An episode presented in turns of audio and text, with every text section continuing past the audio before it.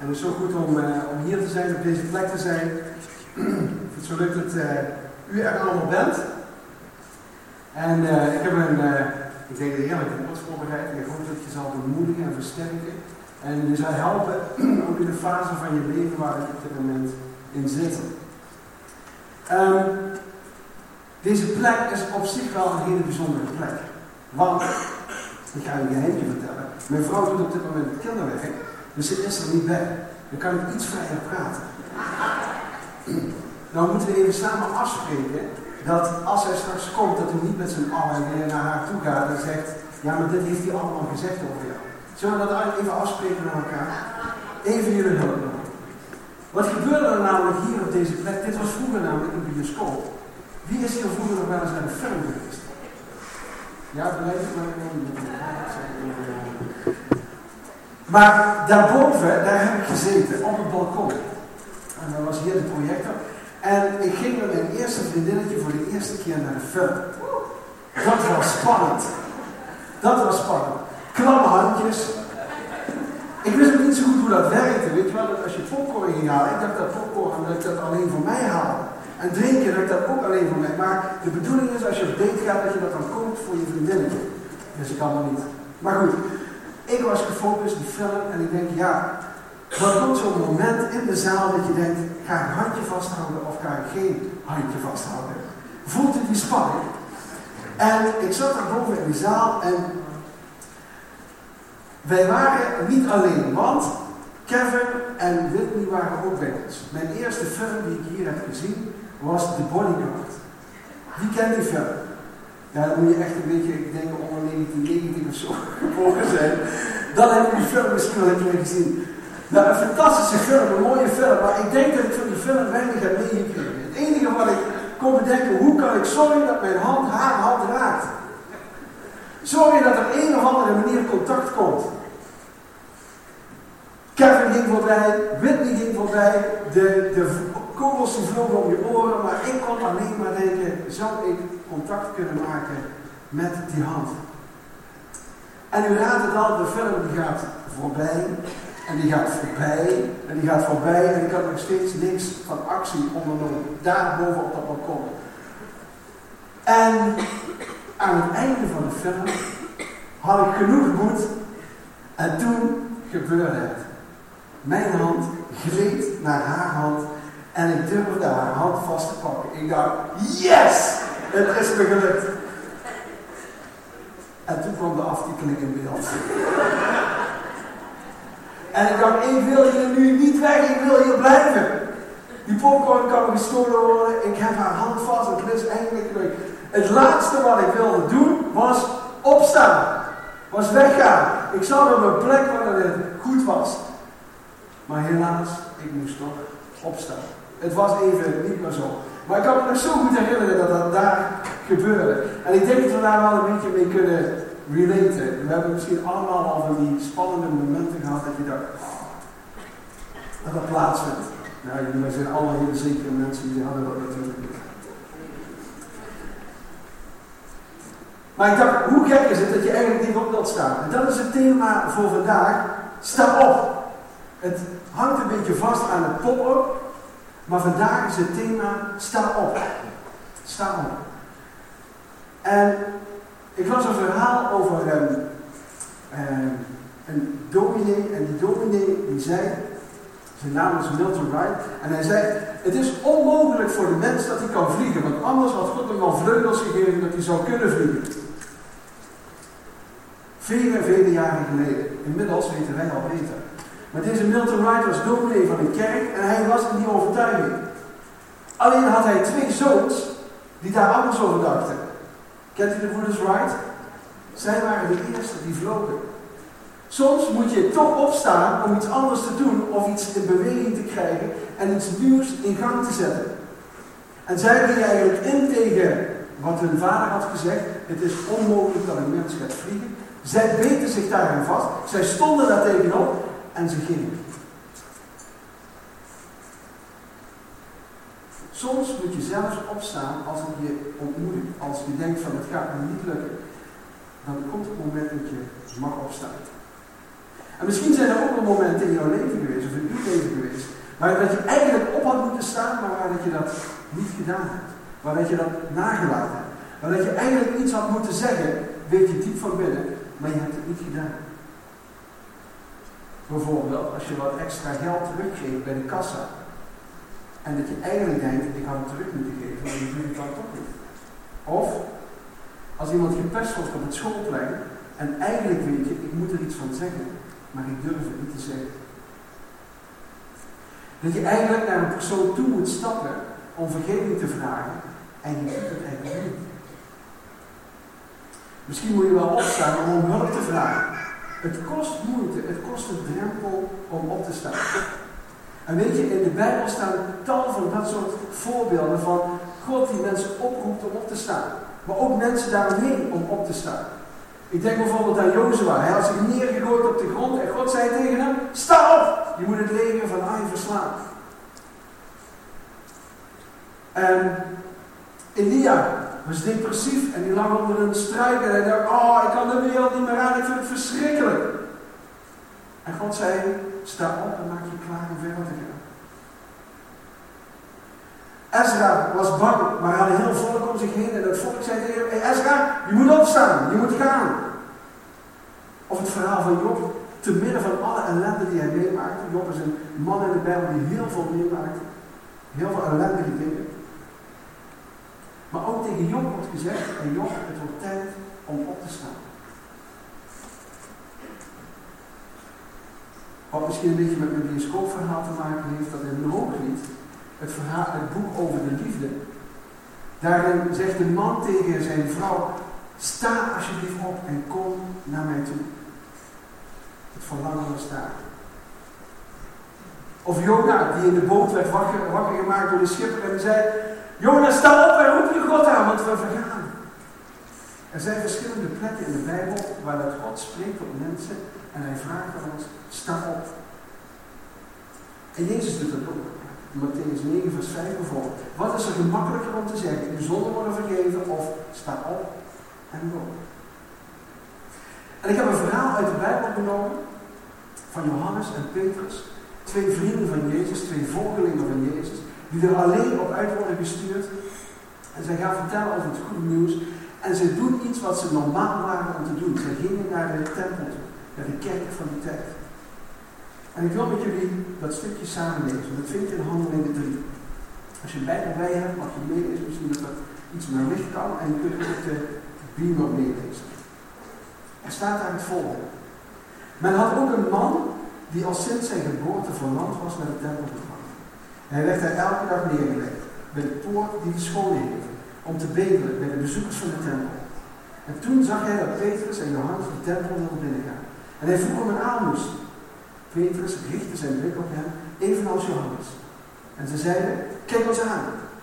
En de bedelaar keek op naar hem, in de verwachting iets van hem te krijgen. Maar Petrus zei, geld heb ik niet, maar wat ik wel heb, dat geef ik u.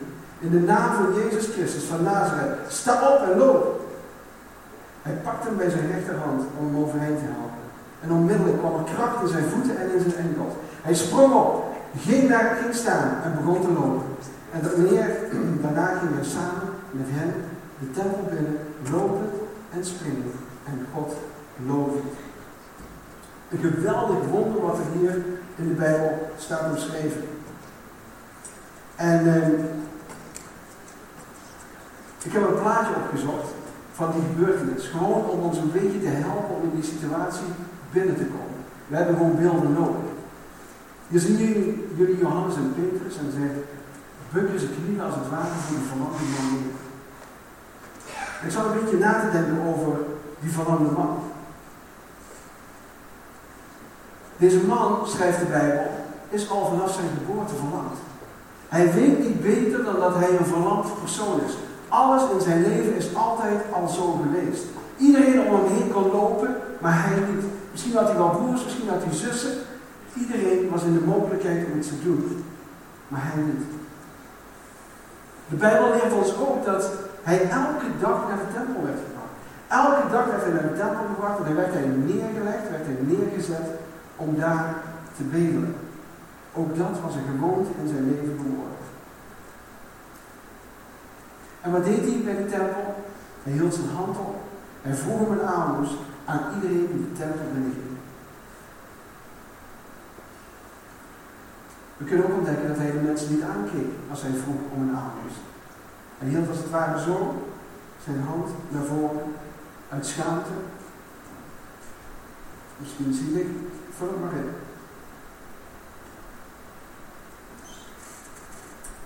En vers 5, daar staat dat hij het deed omdat hij verwachtte dat, dat daar iets uit zou komen. Is dat niet herkenbaar? Vaak doen wij dingen omdat we verwachten dat iets daaruit zou komen. En deze verlamde man deed dat ook. Zijn verwachting was, als ik dit doe, dan zal, hij, dan zal ik iets kunnen ontvangen. Die ochtend, terwijl hij naar de tempel werd gebracht, wist hij natuurlijk niet wat er ging gebeuren die dag. Hij wist niet dat hij een ontmoeting zou hebben met Johannes en Petrus. Hij ging zoals de gewoonte was voor hem om te doen, werd hij neergelegd daar aan de tempel.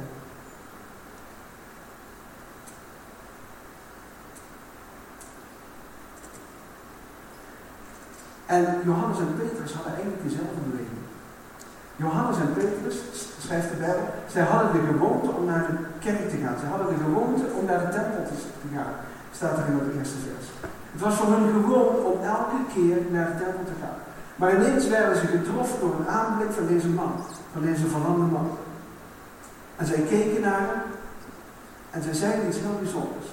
Geld kan ik je niet geven, rijkdom kan ik je niet geven, maar ik kan je wel iets anders geven. En wat ik ook zo mooi vind, is als terwijl dat hij daar zit op die drempel, vraagt Johannes en Petrus aan, kijk eens aan. Kijk eens aan. Vind je dat niet mooi? Die man die kijkt eigenlijk naar beneden. Hij weet niet beter dan wat er in hem omgaat. Hij weet niet beter. Hij was gewoon om dit te doen. Maar nu was er één keer iemand die zei tegen hem, kijk mij aan. Ik wil jou zien. Ik wil jou in mijn ogen kunnen aankijken. Ik wil contact met jou maken. Ik vraag me af of hij, was, of hij gewend was dat dat zou gebeuren. En dan verandert ineens de hele situatie. Hij zegt, ik kan je geen geld geven, ik kan je geen goud of zilver geven, staat er in een andere vertaling. Maar wat ik wel heb, dat is Jezus. En die kan ik wel aan jou geven. En dan gebeurt dat. Er gebeurt iets in zijn lijf. Er gebeurt iets in zijn lichaam. Er gebeurt iets wat hij van tevoren nooit eerder had meegemaakt. Hij voelde kracht in zijn benen komen. Hij ging rechtop staan.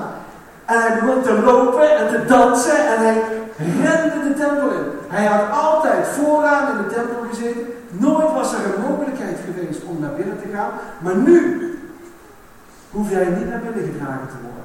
Hij hoefde niet geholpen te worden. Hij had kracht in zijn benen. Hij was sterk geworden. En hij kon de tempel binnengaan. Maf, of niet dan? Ik bedoel, deze man die ligt daar dag in, dag uit. En als je elke dag, dag in, dag uit naar die tempel toe gaat. En je ziet die man. En dan ineens rent die man naar binnen. En hij danst en prijst God daar. Wat een verandering. Wat een verandering.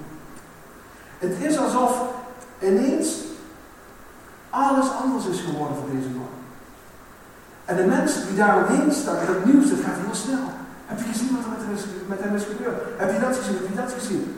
Laten we gaan kijken wat er met hem aan de hand is. En iedereen verzamelt zich rondom die man. Ze kunnen niet geloven wat er is gebeurd. Er heeft een wonder plaatsgevonden en zij zien het gebeuren. Ze stonden erbij en keken naar En dan is het heel mooi wat Johannes en Petrus. Want iedereen is vol van het wonder. Deze man is vol van het wonder van datgene wat er is gebeurd. Maar Johannes en Petrus leggen niet de focus op de tempel. Ze leggen niet de focus op de situatie van deze man. Zij leggen niet de focus op de situatie dat hij kreupel is geweest en dat hij gezond is geworden. Zij leggen zelfs niet de focus op hun genezing of op zijn genezing. Zij leggen niet de focus op het wonder. Maar wat doen Johannes en Petrus? Zij leggen de focus op Jezus Christus. Door Jezus heen is hij een totaal veranderd mens. Lees maar mee. In Johannes 3, vers 19 tot 20. Maar als jullie nu spijt hebben en in Jezus gaan geloven, zal God jullie vergeven dat jullie hem ongehoorzaam zijn geweest. Alles wat jullie verkeerd hebben gedaan, zal hij helemaal wegdoen. En dan, dan zal hij jullie rust en vrede geven. Zo ontzettend mooi. Johannes en Petrus leggen niet de focus op zichzelf. Leggen niet de focus op het wonder. Leggen niet de focus op het kreupel zijn. Ze leggen de focus. Alles wijst naar Jezus.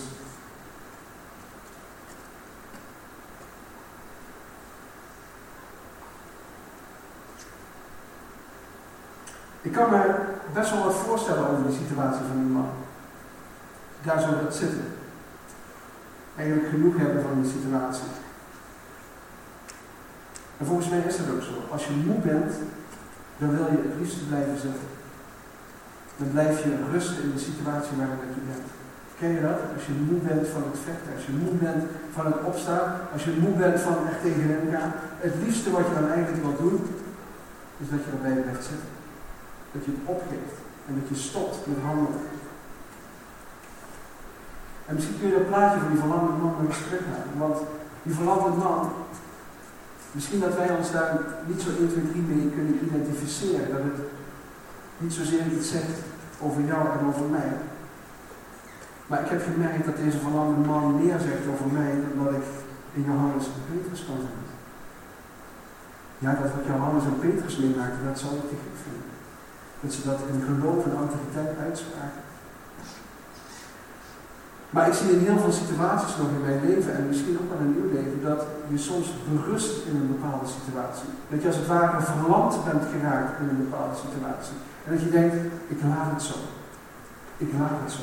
Ik laat het gewoon hierbij.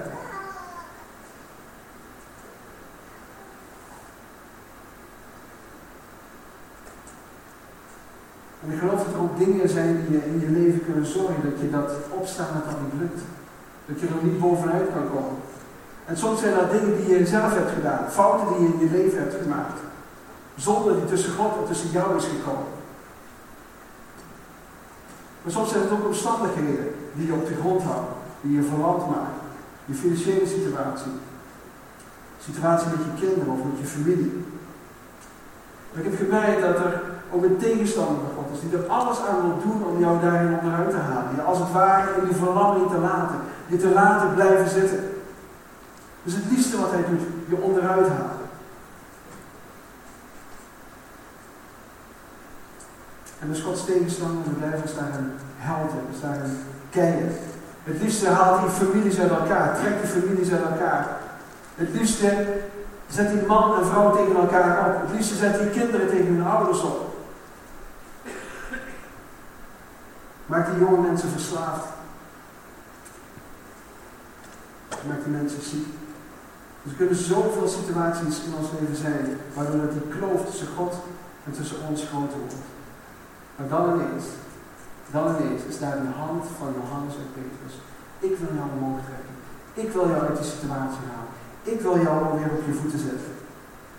En de bedoeling van het op je voeten zetten is niet dat je een soort beweging maakt van verlamd zijn naar niet verlamd zijn, verlamd zijn naar niet verlamd zijn.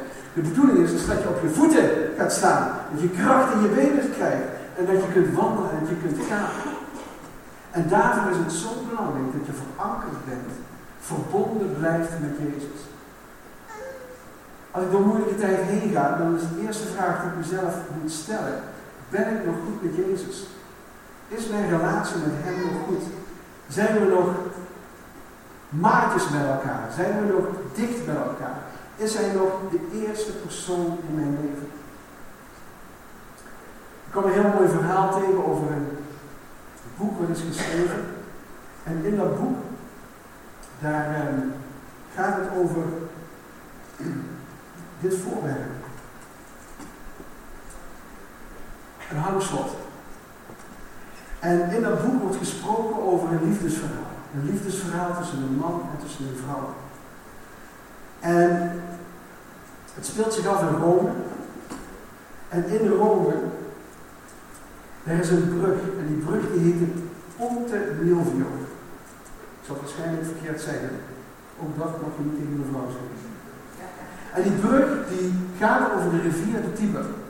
Met er een foto van.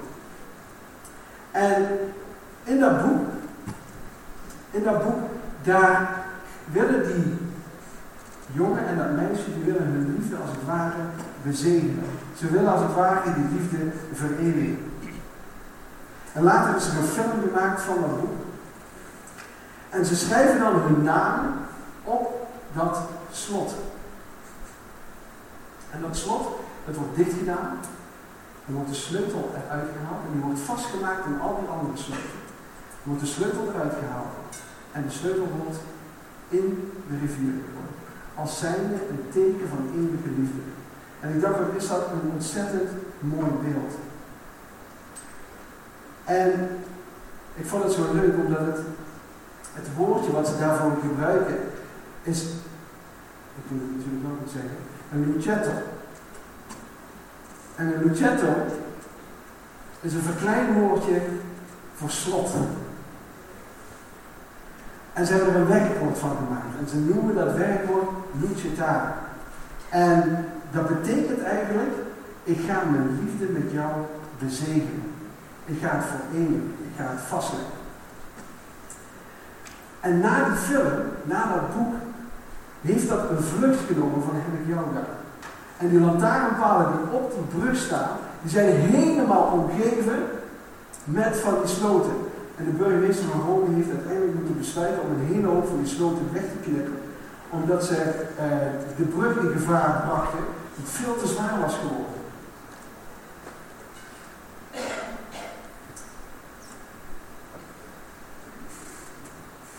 En toen ik dat las, toen moest ik ook aan Jezus denken. Hij wil niets liever doen dan die liefde tussen jou en mij bezegelen. Hij wil als het ware jouw naam erop zetten. Hij wil zijn naam daarbij zetten. Hij maakt hem dicht. Hij maakt hem vast. Hij zet hem vast op de brug en hij gooit de sleutel weg.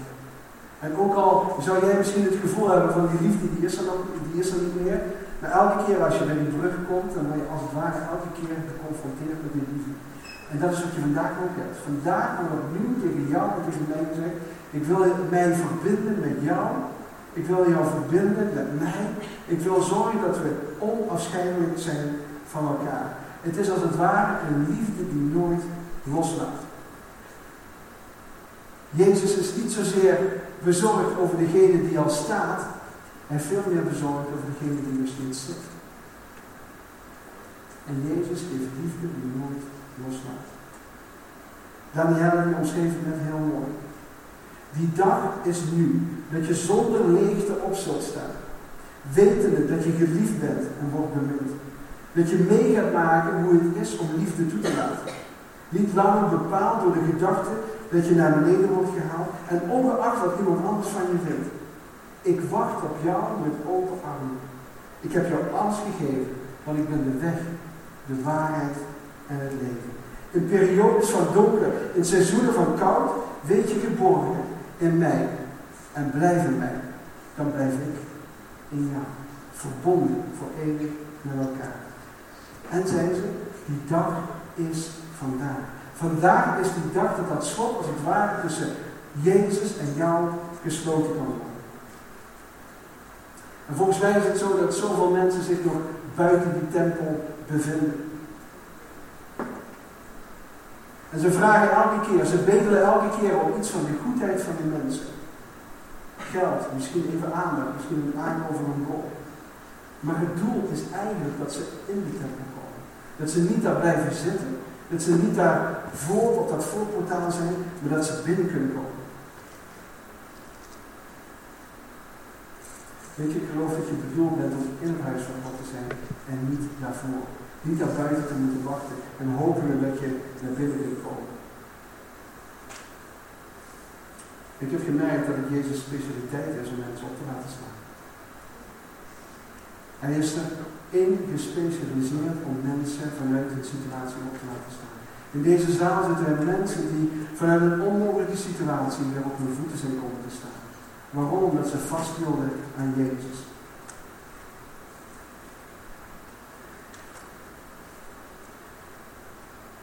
Misschien lijkt het allemaal wel verslagen. Misschien verslagen door jezelf of door je omstandigheden. Misschien door de vijand. Misschien ook wel door ziekte of door depressie. Misschien wel door zorg of door ongeloof. Maar lieve mensen, Jezus roept jou en mij op om te gaan staan. Dat kracht in je binnenkomt. En dat is een keuze die jij kunt maken. Kies ervoor om te staan. Het is een beetje zoals dat jongetje wat door zijn moeder werd gestuurd naar de winkel. Hier heb je nog heb je 25 cent om wat je eieren te halen. En hij haalde een doos eieren en hij keek naar die eieren. En hij moet zorgen dat hij zo veilig mogelijk terugkomen. En hij loopt de winkel uit. En terwijl hij die winkel uitloopt, vallen die eieren als het ware op de grond neer. Hij struikelt en alle eieren vallen kapot. En iedereen ziet dat gebeuren en snel naar hem toe en zegt, ach jongen, wat erg dat dat is gebeurd. Wat verschrikkelijk, ook wat zal je moeder wel niet zeggen. Heb je moeten huilen, ik zal je troosten, wat is er allemaal aan de hand? Totdat er één man is en die zegt, hier heb je een kwartje. En dan kun je eieren halen. En ik geloof dat God zo in elkaar zit, dat Jezus zo naar jou verlangt, dat hij als het ware uit wil reiken naar jou. Hij reikt jou de hand.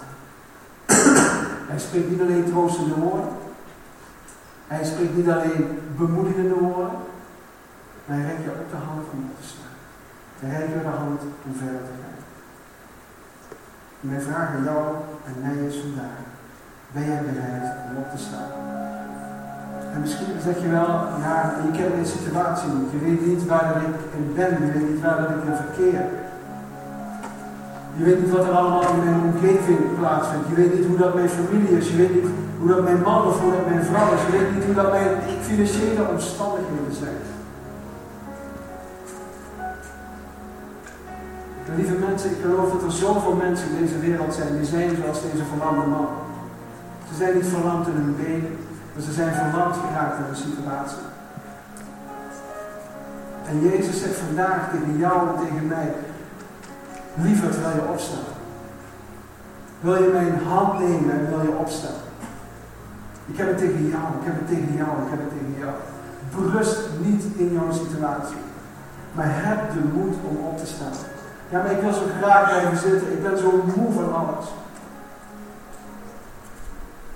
Maar altijd is de hand van Jezus staan om jou omhoog te. Jou omhoog te trekken en jou op je voeten te zetten. En te zorgen dat je kracht in je voeten terugkrijgen. En er is maar één manier waarop je dat kunt doen. En dat is elke keer weer terug naar Jezus en zeggen, Heer, ik heb u nodig. Vader, wilt u mij vergeven voor datgene wat ik heb gedaan, wat ik heb nagelaten. Wilt u mij vergeven voor de verkeerde keuzes die ik heb gemaakt. Gewoon simpel. Heer, wilt u mij vergeven. En de tweede is zo belangrijk. Als je vraagt om je leven, uh, vergeven, dan is de volgende stap. Om te zeggen, ja Jezus, ik geloof u. Ik geloof u dat u weer kracht in mijn benen kunt brengen.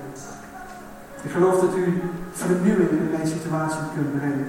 Ik geloof dat u die verandering in mijn leven kan laten plaatsvinden. En elke keer weer opnieuw zul je Jezus moeten uitnodigen in jouw leven.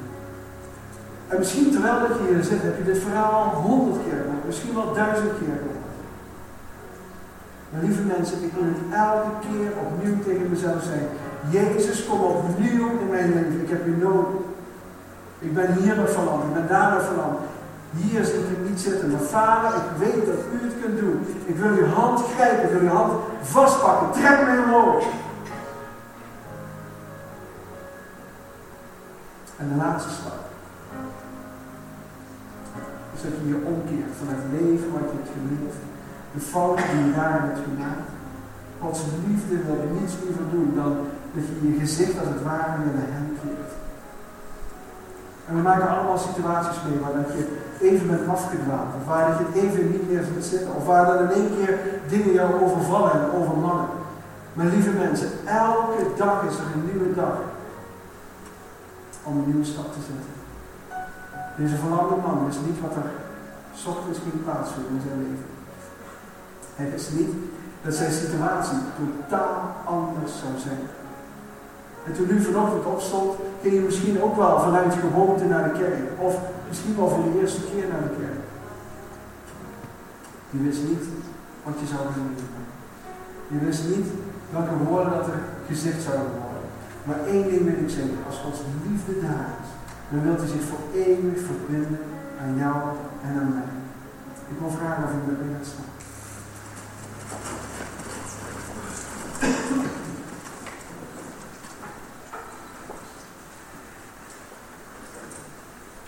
Ik ga je kort gebed uitspreken. Zo meteen zal ja, ik dan nog een vraag stellen. Maar vader, we u zo bedankt. Vader, ik geloof zo dat u in ons midden bent, dat u in ons leven bent. Dat er niets liever in is, Heer, dan dat u dat uitreiken aan ons allemaal. Heer, als ik zit op die drempel net voor de tempel. Heer, het is mijn verlangen om daar binnen te gaan. Te dansen, genezing te ervaren, herstel te ervaren. Vader, vandaag bent u hier. Dank u wel dat toen Petrus en Johannes deze woorden uitspraken. Heer, maar 2000 jaar later klinken deze woorden weer opnieuw. Kijk me aan, kijk me aan, kijk me aan. Ik wil je opnieuw bekend maken met Jezus. Vader, ik u bidden dat u elk hart hier is, wilt raken met die goddelijke liefde. Dat we voor eeuwig als het ware verbonden zijn. Dat het slot gesloten wordt tussen u en tussen mij. Dat we vasthouden voor altijd aan die liefde. Dat de sleutel ver weg mag zijn. Hier in die liefde willen verbonden zijn. Dank u, koning